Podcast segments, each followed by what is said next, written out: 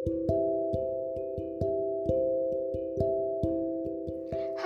Wassalamualaikum warahmatullahi wabarakatuh. Kenalin, nama aku, gue, apa saya ya pakainya? Hmm, pakai gue aja kali ya, biar lebih akrab. Oke, kenalin, nama gue Rizka Nisakila. Bisa dipanggil Rizka, Nisa, or Akila, or you wanna call me sayang juga boleh kok. Oke, jadi kali ini gue mau buat podcast yang bertemakan In Your Life There Must Be Story. Nah, story siapa yang bakal diceritain pada kali ini? jadi sebenarnya gue bakal ceritain tentang kehidupan gue sendiri sih sebenarnya. Kenapa harus kehidupan gue gitu kan? Emangnya gue ini siapa? Gue influencer gue selebgram enggak sih sebenarnya gue itu bukan public figure yang sering kalian lihat di medsos atau bahkan di uh, stasiun TV gue nggak ada di sana. Gue cuman seorang mahasiswa biasa ya yang berkuliah di perguruan tinggi swasta. And gue juga seorang anak dari orang tua yang juga pekerjaannya juga nggak terlalu wow banget kayak gitu dan kehidupannya juga sederhana aja nggak terlalu tinggi dan nggak terlalu rendah juga gitu. Tapi tujuan gue untuk buat podcast tentang kehidupan gue ini sebenarnya ya untuk referensi aja. Siapa tahu kan dari kalian ini punya masalah yang sama sama yang pernah gue alamin. Dan gue ingin berbagi saran aja ke kalian pada saat gue punya masalah itu gimana sih caranya waktu itu gue menyelesaikan masalah itu gitu. Siapa tahu saran gue ini bisa membantu atau bahkan yang gue ceritain ini bisa jadi penghibur kalian kayak gitu lah pokoknya. Oke okay, dan uh, gimana nih gue ceritain tentang kehidupan gue gitu kan? Apakah gue bakal ceritain pada saat gue lahir? Gue lahir di mana? Rumah sakitnya di mana? Terus udah kayak gitu jam berapa bla bla bla gitu. Yang enggak sih. Gue nggak dari awal banget kayak gitu gitu lah istilahnya. Itu bakal memakan waktu yang panjang banget bisa berminggu-minggu kali. Nggak nggak nggak jadi ya pokoknya gue ini menceritakan kehidupan gue itu berdasarkan pertanyaan sih sebenarnya. Pertanyaan yang dikasih sama teman-teman gue jadi sebelum gue buat podcast ini gue itu bertanya nih sama teman-teman gue mereka tuh kira-kira ada pertanyaan gak nih kalau misalnya bertemakan tentang kehidupan gue gitu? Dan akhirnya ya udah mereka ngasih pertanyaan dan udah gue keep pertanyaannya nantinya bakal gue jawabin satu persatu gitu. Jadi menceritakan kehidupan gue itu berdasarkan pertanyaan bukan gue menjelaskan dari awal banget. Itu ya udah terlalu panjang banget gitu lah pokoknya. Oke, okay, tanpa berlama-lama lagi, langsung aja kita mulai. Pertanyaan pertama, definisi sahabat menurut gue wah ini nih. Sahabat menurut gue itu adalah um, seperti layaknya saudara yang satu frekuensi selalu ada. Selalu ada itu bukan berarti pada saat kita senang aja tapi selalu ada pada saat kita susah selalu ada pada saat kita sedih gitu. Dan dia tuh peka terhadap perasaan kita juga peka terhadap kondisi kita juga gitu. Ya pokoknya kayak saudara lah istilahnya dia pada saat muka kita itu misalnya murung atau apa dia tuh tahu kayak kita tuh lagi ada masalah gitu. Dan pada saat kita itu ingin curhat sama dia bukan ingin lagi malah pada saat kita curhat sama dia dia tuh ngasih saran. Dia tahu posisi dia oh kalau misalnya dia curhatnya kayak gini berarti dia butuh saran. Kalau misalnya dia curhatnya kayak gini berarti dia hanya butuh pendengar aja gitu. Takutnya dia bisa memposisikan diri gitu. Terus uh, dia satu frekuensi sama kita. Dan dia itu selalu ada sama kita. Dan menurut gue ya kalau misalnya kalian tuh punya teman yang udah kayak gitu satu frekuensi selalu ada saat suka maupun duka. Dan juga uh, tahulah istilahnya peka terhadap perasaan kita. Terus habis itu kalian ada cekcok misalnya gitu kan. Ya itu sebenarnya hal yang biasa gitu. Itu bukan berarti udah nggak satu frekuensi atau segala macam menurut gua kalau misalnya punya teman kayak gitu itu malah bagus. Kalau kita dalam pertemanan itu ada satu atau dua kali atau beberapa itu berantem ya itu tandanya kita nggak boleh egois sama pendapat kita masing-masing gitu. Ya kita harus tahu maksudnya harus tahu kalau misalnya apa yang yang kita lakuin dan ternyata teman kita itu bilang itu salah atau bahkan jangan ya harusnya jangan kekeh gitu. Itu mungkin adalah dia tahu lebih tahu gitu dan dia tahu yang terbaik buat kita kayak gitu. Pokoknya ya definisi sahabat menurut gue itu adalah layaknya saudara.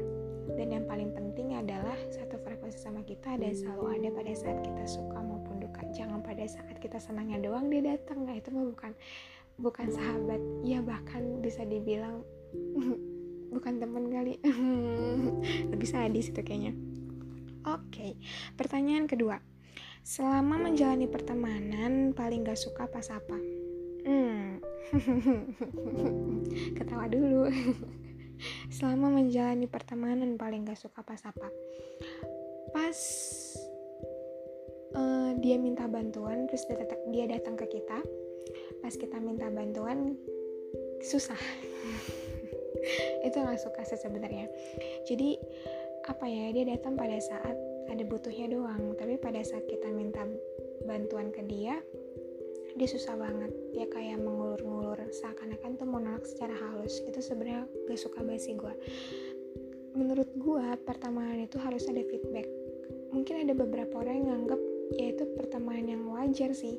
Pasti kalau berteman itu ada yang dimanfaatin ada yang dimanfaat ada yang dimanfaatin atau bahkan ada yang memanfaatin gitu. Menurut gue ya gue nggak tahu sih ya definisi pertemanan menurut kalian masing-masing itu. Tapi kalau menurut gue definisi pertemanan itu ya feedback lu dapet ini ya gue juga dapet ini gitu. Ya jangan cuma lu doang yang dapet gue enggak gitu. Terus gue ngapain berteman sama lu selama ini gitu? Gue harus harus nurutin permintaan lu semua gitu. Dan pada saat gue minta tolong sama lu lu nggak bisa dan lu nggak mau atau gimana gitu kan? Ya terus feedbacknya gue berteman sama lu apa? Terus ngapain juga harus gue pertahanin lama-lama gitu kan istilahnya gitu. Ya jadi selama menjalani pertemanan yang paling gue nggak suka adalah ya pada saat ada orang yang cuma datang saat butuhnya doang dan pada saat gue minta bantuan ke dia itu susah banget.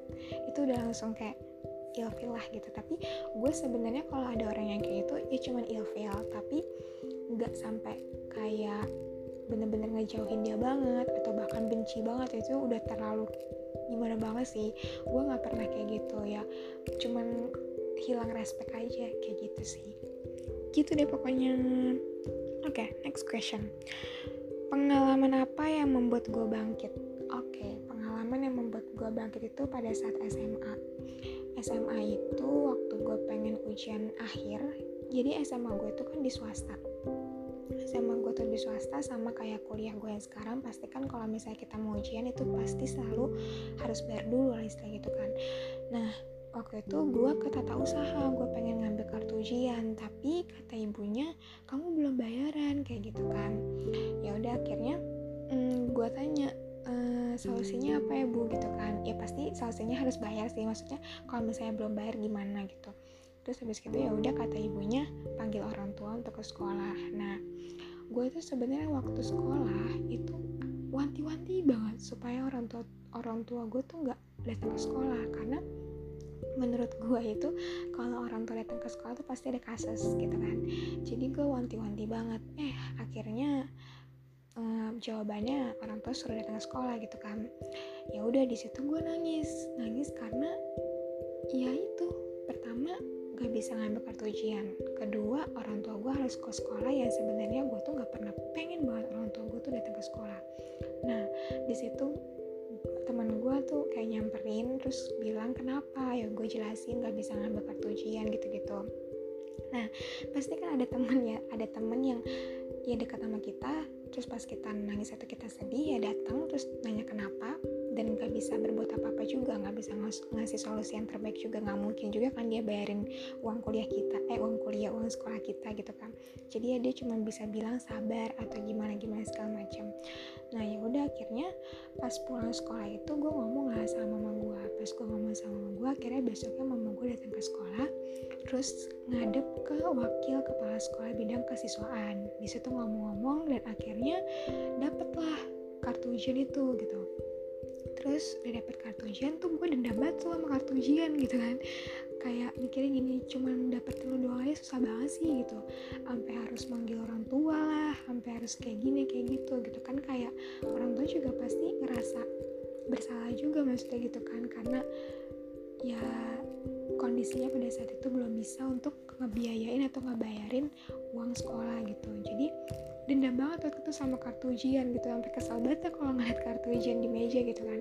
Terus ya udah akhirnya di situ gue langsung termotivasi untuk bisa banggain orang tua gue dengan cara dapat nilai bagus gitu. Gue belajar bener-bener belajar rajin dan alhamdulillahnya pas dapat pas ngeliat nilai di mading itu bagus gitu. Terus pas ngambil rapot juga dapat peringkat satu dan alhamdulillahnya dapat peringkat satu itu gue dapat beasiswa juga dari kantor bapak gue gitu.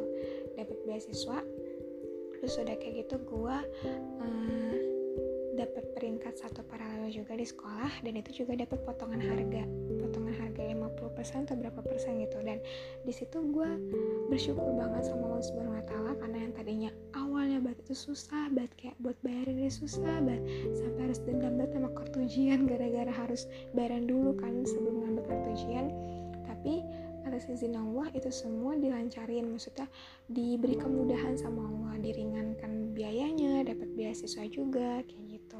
Itu sih pengalaman yang membuat gue tuh bangkit. Dan sampai sekarang tuh gue ngerasain kayak gitu. Apalagi gue kuliah juga di swasta. Dan ya udah gue harus cari cara nih gimana caranya supaya ngeringanin beban orang tua gue gitu. Dengan ya gue cari-cari yang yang bisa sedikit demi sedikit ngeluarin penghasilan dan bisa ngeringanin beban orang tua gue kayak gitu gengs. Selanjutnya organisasi menurut gue itu apa? Wah ini. Organisasi menurut gue itu adalah sebuah wadah yang bisa mengembangkan diri. Gue itu awal berorganisasi itu semester pertama kuliah. Ya itu semester pertama kuliah. Itu awalnya tuh gue bener-bener gak percaya diri banget sebenarnya sama kemampuan gue tapi ya alhamdulillahnya bisa keterima gitu kan. Terus ya udah gue waktu itu gathering first gathering terus udah kayak gitu ketemu sama uh, mahasiswa-mahasiswa yang kebanyakan juga dia kuliahnya di PTN di UI lah di UNJ, UPN dan lain sebagainya. Di situ kan gue merasa insecure lah awalnya karena gue mikirnya gini aduh gue PTS terus ini banyak banget yang PTN pasti idenya lebih bagus nih pasti dia ngomongnya tuh lebih terstruktur dan lain sebagainya. Gue jadi insecure banget kalau misalnya gue diajak ngobrol sama mereka takutnya nggak nyambung takutnya mereka nggak ngerti apa yang gue omongin kayak gitu kan. Ya udah akhirnya uh, di situ gue belajar untuk paksa diri gue supaya gue tuh bisa sejajar sama mereka gue buktiin kalau misalnya gue tuh punya kemampuan yang sama loh kayak lo gitu. Walaupun ya istilahnya hmm, gue itu PTS uh, lo itu PTN tapi menurut gue kita tuh sama. Sejajar istilahnya kemampuan yang kita punya itu sebenarnya sama. Ya kalau misalnya dibilang lebih lebihan lu atau lebihan gue atau segala macam ya itu bukan karena apa-apa ya mungkin karena kitanya punya pengalaman tersendiri sebelumnya kayak gitu. Ya pokoknya dari organisasi itu banyak banget pembelajaran. Gue jadi tahu kelebihan gue tuh seperti apa kekurangan gue tuh seperti apa bagaimana cara untuk membuat event bagaimana caranya untuk bekerja sama dalam tim yang harus yang awalnya itu harus menyatukan visi misi yang yang tadinya itu harus me, apa ya harus pokoknya harus menyatukan pikiran yang menurutku pastinya pikiran setiap orang tuh berbeda-beda gitu kan. Apalagi terkadang kalau misalnya berbeda universitas itu susah banget gitu. Pertama harus adaptasi pertama harus perkenalan harus pendekatan dan lain sebagainya. Dan di situ gue belajar bagaimana cara pendekatan dengan waktu yang cepat istilahnya gitu. Bagaimana caranya menyusun proker dengan waktu yang juga singkat dengan dana yang istilahnya juga gak gak mencukupi banget gitu kan. Ya pokoknya gue belajar banyak hal dari situ. Jadi gue belajar bagaimana belajar sedikit demi sedikit menjadi mungkin menjadi sebagai event organizer gitu kan yang yang harus terstruktur banget untuk bikin event harus bikin ini itu ini itu. Gimana caranya kalau misalnya event kita ini ada kendala harus mikirin plan B nya gimana dan lain sebagainya. Pokoknya organisasi itu bukan cuma untuk mengembangkan diri tapi ya kita juga belajar banyak banget gitu. Maksudnya hmm, belajar dari orang lain belajar dari media-media yang bekerja sama-sama kita belajar dari sponsorship juga yang bekerja sama dengan kita karena pastinya yang kita kira tuh kayak uh, gampang gak sih bekerja sama dengan media? Gampang gak sih bekerja sama dengan sponsor? Pada saat kita melakukan itu pastinya nggak sesuai dengan apa yang orang ucapkan gitu banyak banget yang harus dibuat banyak banget yang harus dilakuin sebelumnya kayak gitu pokoknya organisasi itu penting banget jangan lupa berorganisasi guys Oke, okay, next question. Gimana caranya agar diri tidak insecure? Hmm, sama sih tadi kayak yang pengalaman itu. Jadi, gimana caranya supaya dirinya tidak insecure? Yang pastinya paksa. Paksa dan yakin kalau misalnya kita tuh punya kemampuan. Tadi yang gue bilang, gue tuh pernah insecure pada saat pertama kali gue berorganisasi.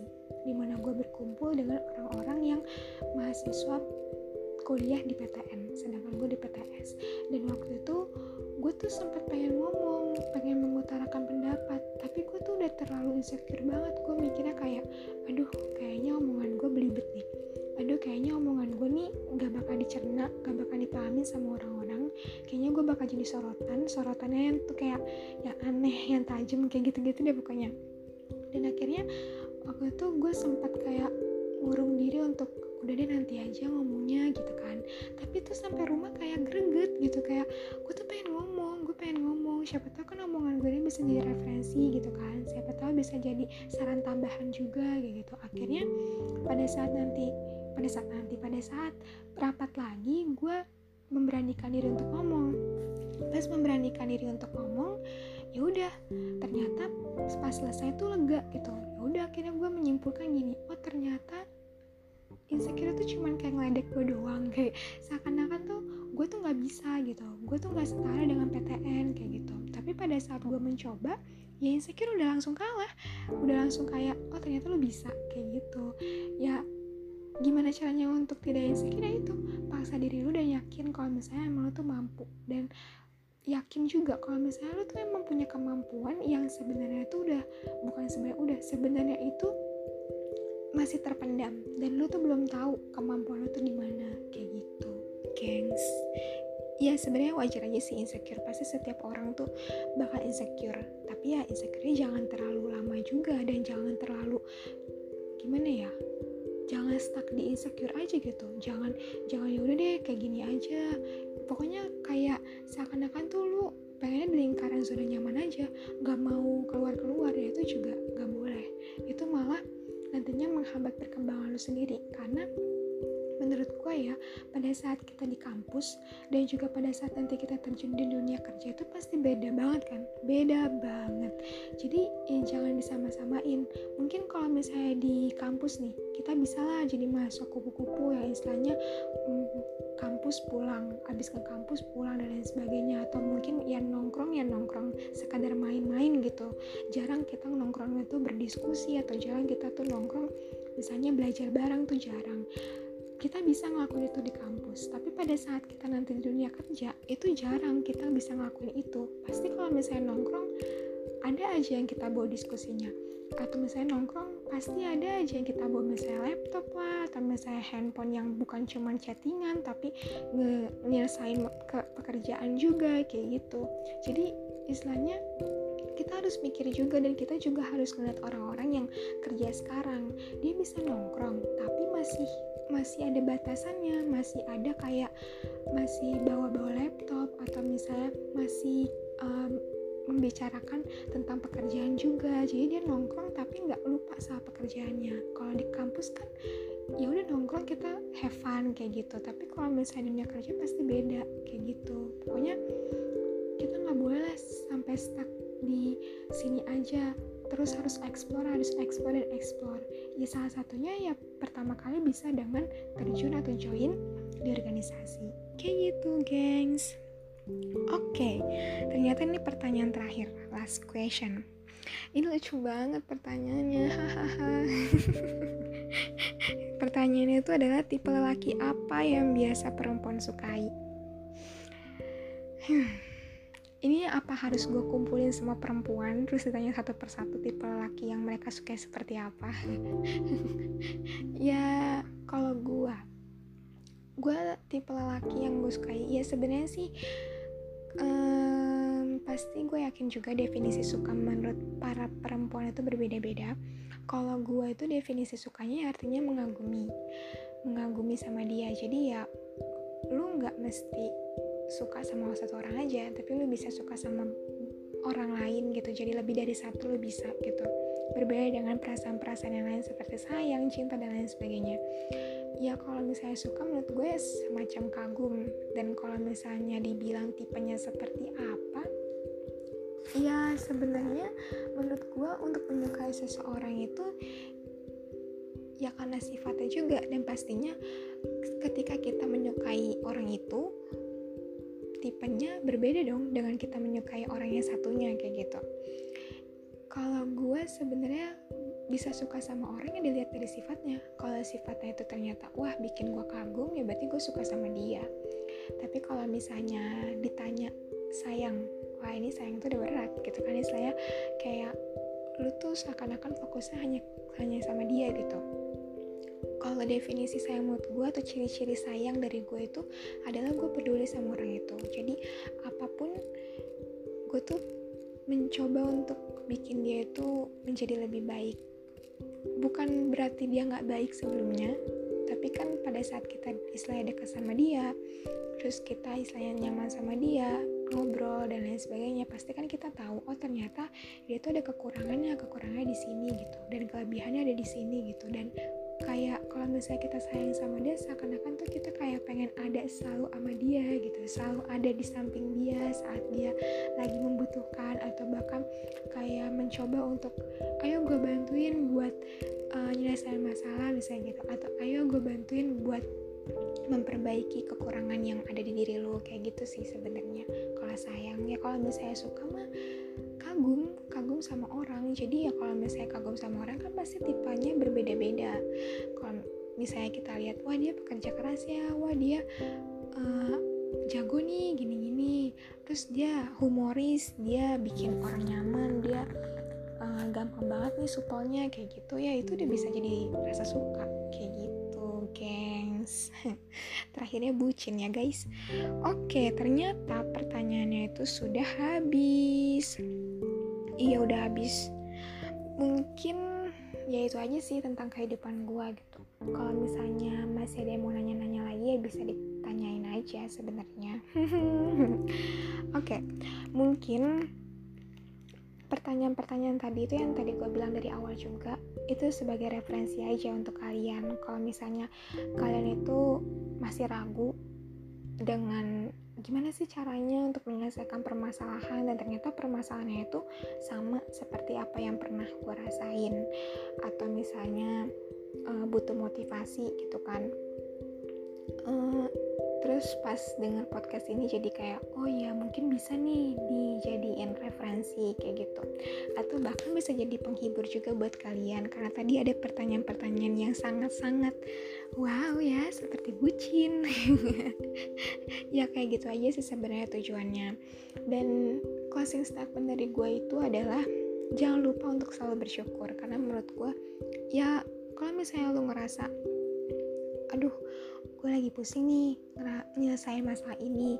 Aduh kenapa sih kayak gini kayak gini kayak gini? Gitu. Ya selalu bersyukur aja dengan apa pun.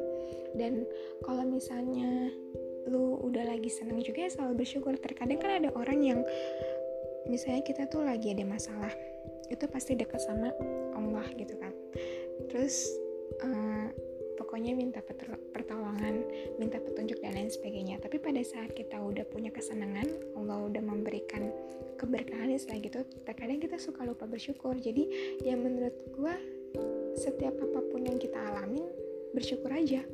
Bersyukur bersyukur dan bersyukur. Karena yakinlah kalau misalnya Allah itu gak bakal memberikan cobaan di luar kemampuan umatnya. Wow bijak sekali ya kila ya kayak gitu. Gue pun juga masih belajar untuk bisa menerapkan menjadi orang yang bersyukur. Karena terkadang memang gue suka seperti itu gitu. Jadi ya gue menceritakan ini gue memberitahu kalian seperti ini yaitu sama-sama untuk apa untuk develop diri sendiri develop diri sendiri dan develop diri kita lah istilahnya gitu. Bukan untuk kalian aja dan bukan untuk gue aja gitu lah pokoknya. Dan jangan lupa juga percaya dan yakin akan kemampuan yang kita punya kita tuh punya kita tuh punya kemampuan kita tuh punya keahlian tapi terkadang kita masih kayak bingung sebenarnya tuh kalian gue tuh di mana? Gue tuh penonjolnya di bidang apa? Terkadang kan ada juga yang ngerasa kayak gue salah jurusan deh kayak gini-gini segala macam. Ya mungkin ada pikiran-pikiran pikiran kayak gitu. Gue pun juga sampai sekarang masih ngerasa gitu. Kayak gue salah jurusan deh harusnya gue ke sini aja gitu. Tapi kan dipikir lagi ini udah mau akhir-akhir gue menuju lulus lah istilahnya gitu kan. Masa iya gue harus pindah terus gue ulang lagi dari awal kayak gitu kan. Ya udah selesain aja dulu sekarang. Kan nantinya bisa S2 dengan jurusan yang gue minatin misalnya kayak gitu ya. Pokoknya dibalik kita bilang itu salah jurusan, dibalik kita itu bilang gak bisa, atau bahkan dibalik kita bilang itu diri kita sendiri itu bodoh, sebenarnya tuh ada kemampuan kita yang terpendam dan kita tuh belum mengasah aja, kita tuh kayak masih menunda-nunda kita tuh terkadang masih kayak menutup-nutupi atau bahkan malas untuk mencari-cari kayak gitu. Sebenarnya kita tuh bisa sebenarnya tuh kita mampu. Dan sebenarnya bidang yang yang istilahnya kita tadinya bilang tuh salah jurusan sebenarnya ada walaupun nggak nggak kalau dipresentasiin walaupun nggak 90% entah itu cuma 50 atau bahkan 20 atau bahkan cuma 60 gitu. Tapi kan setidaknya ada basic itu gitu. Jadi ya percaya aja dan yakin bahwa sebenarnya ada. Tinggal gimana kita mengatur waktunya untuk kapan kita mau ngasah, kapan kita untuk uh, mau mengembangkan itu menjadi setara dengan orang-orang yang istilahnya kita pernah anggap jago kayak gitu guys. Wah bijak sekali kali ini aku. Oke okay deh, sekian itu aja podcast yang bakal kok yang bakal sih. Sekian itu aja podcast yang kali ini gua uh, ceritain ke kalian yang bertemakan In Your Life There Must Be Story. Nantinya kalau ada podcast podcast podcast podcast lagi, semoga podcastnya itu juga bisa menjadi referensi lagi bagi kalian dan juga semoga podcastnya itu juga lagi relate nih soalnya sama kehidupan atau permasalahan kalian. Pokoknya stay tune aja deh.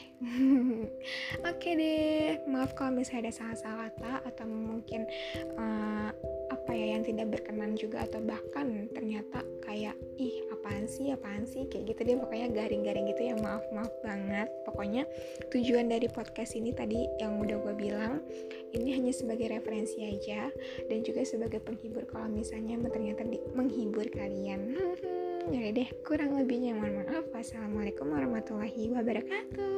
Bye bye